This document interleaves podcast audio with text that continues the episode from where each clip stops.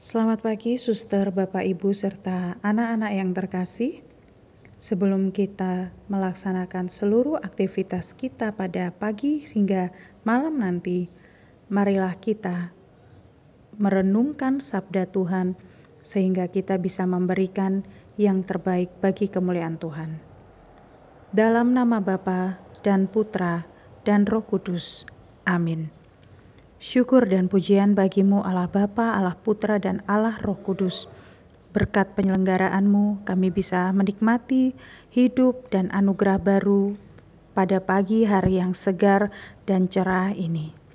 Kami mohon Bapa sehingga kami bisa mengerjakan tugas kami sesuai dengan apa yang kau kehendaki. Bersabdalah ya Tuhan, hambamu mendengarkan. Inilah Injil Yesus Kristus menurut Markus. Dimuliakanlah Tuhan. Pada suatu hari datanglah kepada Yesus beberapa orang Saduki yang berpendapat bahwa tidak ada kebangkitan.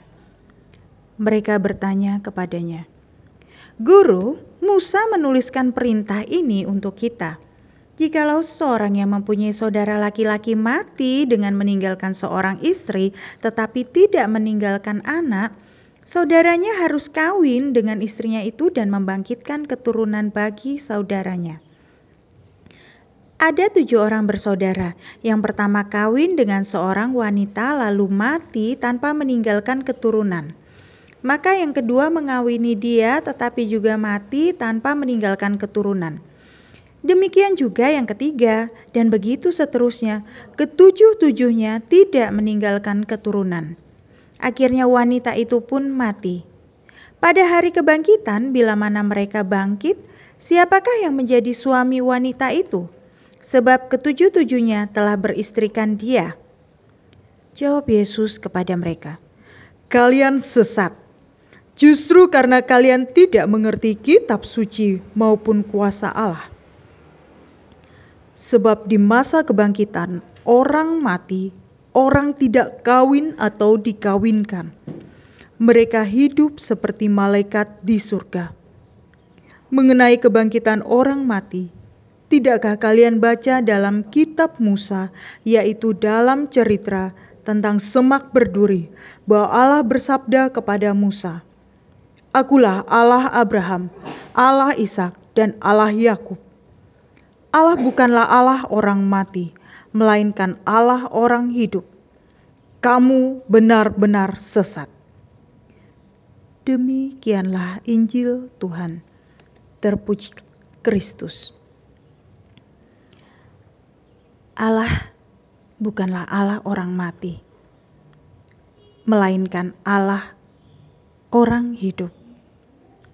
Kita semua memiliki keyakinan iman bahwa Allah selalu memberi kehidupan. Anugerah kehidupan yang diberikan Allah meliputi berbagai macam kebebasan dari penderitaan yang dihadapi. Adakah yang merasa saat melaksanakan PAT ini adalah masa-masa penderitaan kalian? Allah itu tidak pernah ingin melihat kita terpuruk dalam jurang kesedihan jika kita mempersiapkan lebih awal, mengerjakan tugas-tugas, submit tepat waktu, tentunya ini bukan penderitaan buat kita. Allah mengendaki kita hidup bahagia dan penuh sukacita. Harapannya ketika kita belajar dan menghadapi ujian, kita bisa naik tingkat.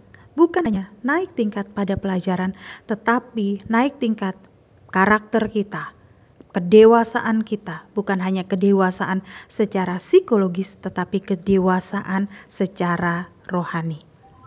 Semoga kita bisa menjadi orang yang diandalkan untuk kemuliaan nama Tuhan.